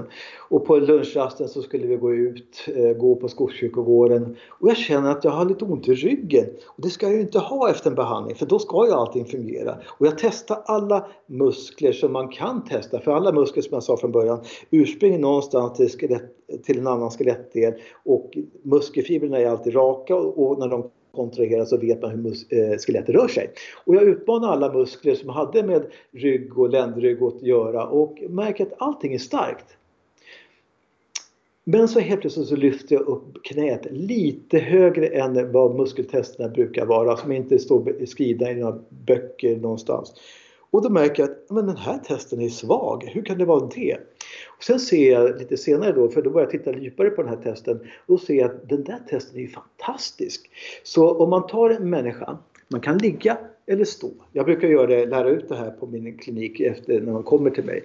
Då får personen ställa sig med ryggen mot en dörr gärna, för i en dörr finns inte så mycket annat än kanske trä eller lite plast kanske. Men det finns inte så mycket elektricitet som kan störa och annat. Då får de ställa sig med ryggen emot. Och varför ställer man sig med ryggen emot? Ja, jo, för att inte börja fuska med hållningen. För att en del börjar krumna och, och böja sig på olika sätt och vis. Det är svårare att böja sig och så krumna när man står med ryggen mot väggen och behåller ryggen mot väggen. Och så lyfter man upp ett ben, ett knä, över 90 grader. Alltså man kommer inte bara rakt, lyfter man upp benet lite grann, kanske 45 grader bara, då kommer man åt en muskel som heter rectus femoris som sitter på framsida lår. Den är direkt associerad till tunntarmen. Men då frågar man frågar om hur tunntarmen frågar, eh, fungera i det läget. Så man ska lyfta upp knät över 90 grader. Där uppe så ska man personen som är gärna med, för det är svårt att göra testa på själv, men man får ta någon familjemedlem eller en kompis. Den personen får du själv hålla balansen mot så att du inte ramlar omkring, så det, för du står ju på ett ben. Så lyfter du upp benet över 90 grader och så personen som är med dig lägger på tryck på knät sakta, eh, sakta, sakta öka trycket och känner är du stark i den här testen? Och hur hårt ska man trycka då? Ja, man ska känna så att man känner att jag lägger på så pass stort tryck så jag känner precis nu börjar nästan fallera. Och då lägger man på lite, lite till och ser att orkar kroppen hålla det här trycket? Ja, det gör den. Bra. Då tar man och te vill testa vad man nu till exempel vill testa. Om man nu står barfota när man testar det här läget. I ditt fall så börjar vi testa skor för jag vill visa dig hur man gör när man testar skor. Och då står du ju där still och då tar man fram skorna och ställer sig bredvid sig först. Testa muskel på benet på det sättet, se att du är stark. Bra, du är stark. Är man svag, då vet man att bäckenet funkar inte från början så det är ingen idé att fortsätta att testa. Och då sätter du på efter testen, se att du är stark, då sätter man på sig skorna och lyfter upp benet igen i samma position. Och och jämför trycket igen och blir du då svag i benet så vet du att den här skon är någonting som inte stämmer med. Antingen oftast så är det innesulan som är dålig. Innesulan idag impregnerar man ofta med antibakteriella medel för att det inte ska lukta i skorna och människan tål inte de här bakteriedödande medlen. Och då reagerar kroppen på det och blir svag i den här testen. Och går man med en sån sko ett antal steg så adapterar kroppen fel information från fötterna upp till hjärnan så hjärnan eh, tror att den får riktig information men det är fel information. Och så börjar det bli massa konstigheter. Och du som är så extra känslig som var kort vänster-vänster när du kom till mig behöver bara gå 4-5 steg i en sån sko så börjar du, då kommer du bli sned igen. Gå, eh, ramla av, alltså din kropp blir kort vänster-vänster. Går det tillbaka av sig själv om man, om man slutar gå? Alltså om jag går fyra steg Eh, då måste jag komma tillbaka och bli rak igen. Ja, och då måste man hjälpa kroppen med det igen. Jag försöker lära folk hur man, hur man till slut ska kunna göra om ett fel kommer tillbaka. Så man lär kroppen det här. Eller dig själv så du kan hjälpa dig själv. Men det bästa är ju att du börjar förstå hur testar jag av skor så du inte kommer gå på det här med skor igen. Eh, för det, det är ett aber där med skor. Det, det är mycket konstig information. Ofta när man hör personer som har ont i fotleder, knäleder eller man har problemområde i ryggen som aldrig ger sig så är det inte så sällan att det är skor som är felet. Och det här kan man då testa också med allt möjligt, mat och tillskott och så Ja, vidare. för då, som vi pratade om tidigare så hade vi det här elektriska nervsystemet och så skapar lite magnetfält runt kroppen som sträcker sig någonstans mellan 50 till 70 cm för kroppens yta. Så har man testat att man är stark, då kan man ta en matvara och hålla den nära sig och lyfta upp benet igen. Och blir man då svagare än vad man var innan, då vet man att det här ska inte jag äta någonting som man ska vara svag på så är ju det giftet. Men läkemedel blir man alltid svag på. Eh, bensin blir man ju svag på. Vetemjöl blir man alltid svag på. Så har man på sig vetemjöl och håller mot kroppen då ska man trycka så mycket så att man Aha, så där hårt behöver jag trycka för att bli svag. Då vet jag, aha, så där hårt behöver jag trycka. Så man, det kan vara bra att ha någonting som är dåligt så man kan se att så hårt ska jag trycka för att bli svag. För man kanske lägger av, man kanske är för snäll från början kanske. Så man tar, bort det, tar man bort det sen och sen provar, ja visst, då känner jag att det är mycket starkare. Då har man en referens lite grann som man kan använda för att titta på om man tål varan eller inte. Mm. För att man, det är inte alltid, eh, inte alla kroppar som är supertydliga i jättesvag och jättestark, eller hur? Nej, det är lite svårt i början. Man vet inte hur hårt man kan trycka och man kanske är lite snäll och trycker för lite. Eller, eh, och, eller den personen som står där med knät uppe tar i helsike en gång men inte den andra gången. Och, och, så man måste försöka, försöka ha lite kommunikation där. Så att, eh, men det där, övar man upp den så är det en fantastisk test. För äter man till exempel någonting som är dåligt varje dag då ligger det och belastar något system i, kroppen varje dag, varje dag, varje dag. Till slut blir man sjuk i det området. Så det är bra att testa av, speciellt frukostar och sånt där. Och samma sak kan man göra med tillskott då. Och kan, kan, man då hålla i hela burken med tillskott eller måste man ta ut tabletterna? När jag började med allt det här en gång i tiden då var ofta plasten i burkarna dåliga. Idag finns det regler på vilka plaster man får ha till mat och kosttillskott så plasterna är idag oftast okej. Okay. Så då kan man ta vilken kosttillskottsburk som helst och hålla mot sig och göra det här testet. Man lyfter upp knät högt upp och så trycker man. Blir man svagare än man var innan, då vet man att det här ska inte jag äta. Då finns det någon substans, bindemedel, kapseln eller substansen i sig som inte är bra nog och då kommer man bli sjuk där. Och jag har många fina historier om hur tokigt sjuk man kan bli på det om man äter fel saker under längre tid.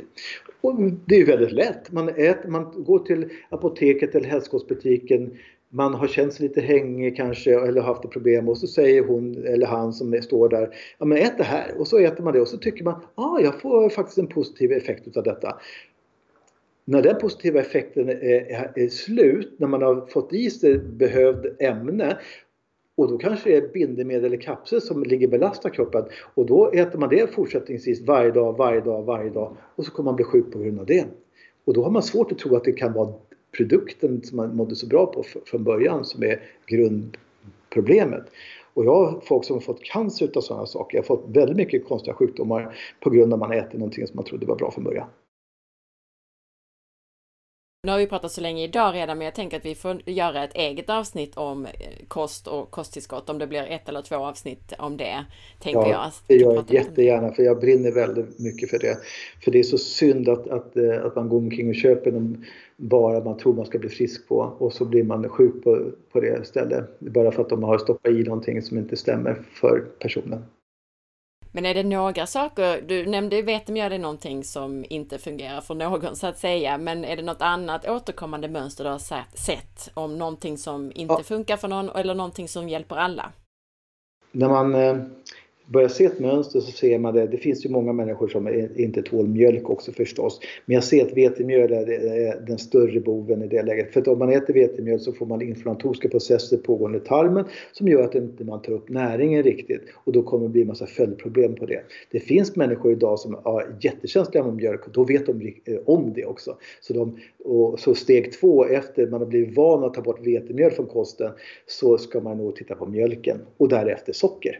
Mm. Det är väl de här vita gifterna man pratar om eh, som är stora bovar. Sen finns det ju eh, olika saker som man kan kanske stoppa i sig som inte är så himla nyttiga men de där är de stora bitarna. Och och som sagt skulle jag berätta allt vad jag vet om mat så skulle folk ramla baklänges och inte vilja komma till en för då tar man bort allt roligt i livet. Men det kan vi ta i ett annat avsnitt. Men, det så det var, lite kring, det var lite kring maten. För att summera lite där kring vad du ser återkommande så är det när det gäller livsmedel, vetemjöl, mejeriprodukter, socker och sen så ser du då ofta eh, toxiner och parasiter bland annat som problem som, som ligger och stör kroppen. Och mm. även det här med skor som du nämnde. Ja, och som sagt var genom årens lopp så har man en fel miljö i kroppen på grund av att man äter fel mat så får man en miljö i kroppen som kan härbärgera virus, bakterier, parasiter i kroppen. Och eh, det skapar ju sjukdomsmönster. Jag tänkte också uppmana lyssnarna här att eh, kommentera sen till det här avsnittet om det är på forhealth.se där avsnittinformationen finns eller om ni gör det på Facebook eller Instagram. Det spelar ingen roll, men någonstans där vi lägger ut själva avsnittet. Om ni vill kommentera om det var någonting som var svårt att förstå, någonting vi ska prata mer om om vi gör fler avsnitt eller någonting som ni vill att, att Ulf och jag pratar om så kommentera hemskt gärna det så att vi vet vad vi ska rikta in oss på. Om man nu vill ha din hjälp eller, eller hjälp hos dig och dina kollegor, hur gör man då? Då kontaktar man ju Kilmaninstitutet eller kilmanhealth.com eh, på nätet och då kan man ju bli kopplad och läsa mer om oss och där finns då eh, folk som är utbildade inom mig och prata med också därifrån så kan man ju få reda på vilka i landet som är utbildade utav mig. För jag har ju hållit på i 13 års tid och utbildade i mina tekniker. Från början så var man rätt stolt över sina egna tekniker, att de var så bra så man ville ju inte lära ut vad man höll på med. Men så förstod jag att det finns ju för många som är dåligt, dåliga, behöver hjälp. Och jag såg hur bra det här var så då tog jag mig kragen och började lära ut det här. Så att om man inte vill åka till er i Stockholm så har du personer som du har utbildat som arbetar som du runt om i Sverige? Ja. Och de kan man hitta på hemsidan? Det kan man hitta på hemsidan eller prata med min sekreterare så kan hon lösa problemet. Och om man nu vill bli utbildad och arbeta som du mm. med sån här HKT eller kinesologi, mm. hur gör man då? Ja. Då kontaktar man mig. Genom hem, vår hemsida kilmanhealth.com så finns det ju eh, kontaktuppgifter, det finns eh, utbildning. Där står ju när jag har utbildningar och vilka sorters utbildningar har jag för några som inte varit hos mig tidigare. Då finns det en två dagars kurs för hemmabruk som är fantastiskt för då kan man ju lära sig hur testar man saker, vad tål jag för någonting och vad tål jag inte? Se till att man kan hjälpa människor att bli raka och, och börja hitta grundläggande problem i familj eller vänner. Det är en tvådagarskurs. Sen har jag en tredagarskurs för de som redan är terapeuter eller mer kunniga om hur man kan bli bättre i sitt, eh, i sitt gebit. För det är ju ofta så att man, man håller på att trilskas med vissa och vissa personer får man inte ordning på riktigt. Då är det någonting som fattas i sin, i sin eh, lärdom. Och då lär jag ut hur man kan hitta de här felen, hur man löser de här problemen. Ska man använda näringen? Ska man jobba med tankar, känslor eller nålar och sånt? Och då, då finns det ett sätt att utmana kroppen och se vad, vad behöver man ha för ett visst problem. Det är en tre dagars utbildning. Sen har jag en längre utbildning som är sex tillfällen av tre dagar och då efter de 18 dagarna så ska man kunna stå och jobba som jag. Då lär man sig under tre dagar, fredag, lördag, söndag, en massa knep hur man utmanar kroppen. Och eh, under varje helgtillfälle så lär jag ut mer så man kan direkt ta kunder, bekanta och rätta till massa fel. Eh, och sen får de åka hem efter den här helgen och eh, använda den här med tekniken så mycket som möjligt fram till nästa kursdatum som är också tre dagar då. Och så här gör vi då och förkovra oss mer och mer, mer i nervsystemet om hur det fungerar. Så efter ett halvår så ska man kunna stå och jobba som jag. Sen när man kan det och har gjort 50 behandlingar hemma eh, på klienter så får man komma till mig och köra upp och visa att man, att man har förstått systemet och då, får man, då blir man diplomerad. När man är diplomerad sen, då kan man gå vidareutbildningar, djupare behandlingar. Hur, man, hur går man in och tittar på hormonsystemet i sig? Hur, vad ska man titta på för markörer? Hur jobbar man med eh, levern och dess arbete? Och sinnen till exempel, sinnen är ju fantastiska. Hur hjärnan adapterar information från syn, lukt, smak, hörsel, känsel och så vidare. Gör hjärnan rätt? Då har jag en utbildning inom, tre dagars utbildning inom det också. Så att eh, så det finns då sen djupare saker man kan gå in i. Men den här grund, stora grundkursen på eh, ett halvår är fantastisk. Och då kan man stå och jobba och hjälpa människor med, som ingen annan klarar av att fixa. Första tillfället på den här där man ses sex gånger en hel helg, är första den helgen så att alla möjliga kan vara med på den? Alltså är det någon av de här mer grundkurserna eller är det en separat utbildning? Ja, det, det här sex, eh, de här sex tillfällena det är en, en separat, en hel grundutbildning. Man måste gå igenom alla. Om man bara vill lära sig en helgkurs då tar man en helgkurs bara och då, de är separerade för, för sig. Det står på, på nätet hur det fungerar. Och då finns det HUM. Eh, det handlar om eh, ja, eh, hur man handskas med problem i hemmamiljö och annat och hur man testar av mat, man kan testa och fixa massa saker. Men det är en två dagars utbildning, den kallas för HOME. Så den andra kursen som är tre dagar, den heter WORK. Eh, och sen den andra är stora utbildningen då som är HKT heter den förstås då. Ja, ja just det. Någonting som jag tänkte på här nu också när du berättade om detta, det här att man testar hemma och så. Och, och, och, vi berättade ju innan om hur man kunde testa sig själv och då är det ju egentligen inte så att man testar sig själv utan man behöver någon som hjälper en att testa. Ja, för att det, är man, svårt, det, är svårt att det är svårt att testa sig själv för början. Man kan bli, jag har ett antal idrottsmän som, som har gått utbildningen som, som lär sig att använda sin kropp och de känner ofta sin kropp väldigt väl från början. Och de har lärt sig att använda teknikerna på sig själv så man kan testa sig själv. Men det är rätt lätt att göra misstag i, i, när man gör själv. Ja, även jag har för mig att du nämnde själv att du själv har gjort något misstag någon gång när du har oh ja, oh ja. Mm. Ja, till exempel eh, åker till en skoaffär och hittar ett par kängor som var så snygga. Så, och, jag ställer mig de här testar själv då när muskeltestet man lyfter upp knät över 90 grader. Ställer mig i skorna och tycker att ja, jag är stark. Och så åker jag hem och min kära fru säger ja, ska vi testa ordentligt sa hon då. Och så Ja, och då var det ju skorna var ju inte bra så det var bara att åka och lämna tillbaka skorna. Mm. Ja, så kan det bli ibland. Man hittar dig då via den här hemsidan och sen har du också skrivit en bok, eller hur? Om man vill läsa mer? Ja, jag och min fru har komponerat ihop en bok som min fru skrev ut. Som han, den får man, när man kommer på en behandling, då får man boken automatiskt i första besöket. Men annars ska den köpa på nätet. Vi har ju en hemsida eh, på Kilman-institutet, Kilman Health, som man kan gå in och köpa mina varor och sånt där som är väl utvecklade och eh, som fungerar för människor. Man behöver inte vara rädd för att det ska finnas någon substans som stör något system i kroppen. Men där finns det ett antal saker som man kan köpa hem och så, och boken bland annat. Tusen tack för att jag fick ta din tid här ikväll. Ja, tack för att du var så fina frågor.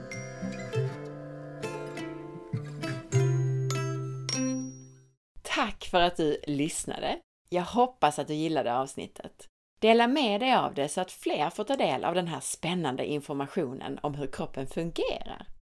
Veckans recension i iTunes är från Dalian som skriver Jätteintressant och bra podd! Fick diskbrock och övningarna från avsnitten med Marcus Greus fick fort effekt. Så glad!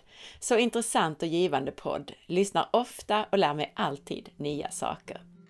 Följ med på facebook.com forhealth.se där du kan hitta avsnittsinformationen till det här avsnittet som du kan dela och där du varje dag hittar länkar till nya hälsotips och blogginlägg.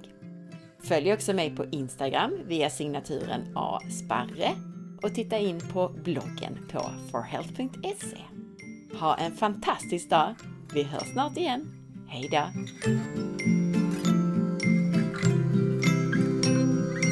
Mm-hmm.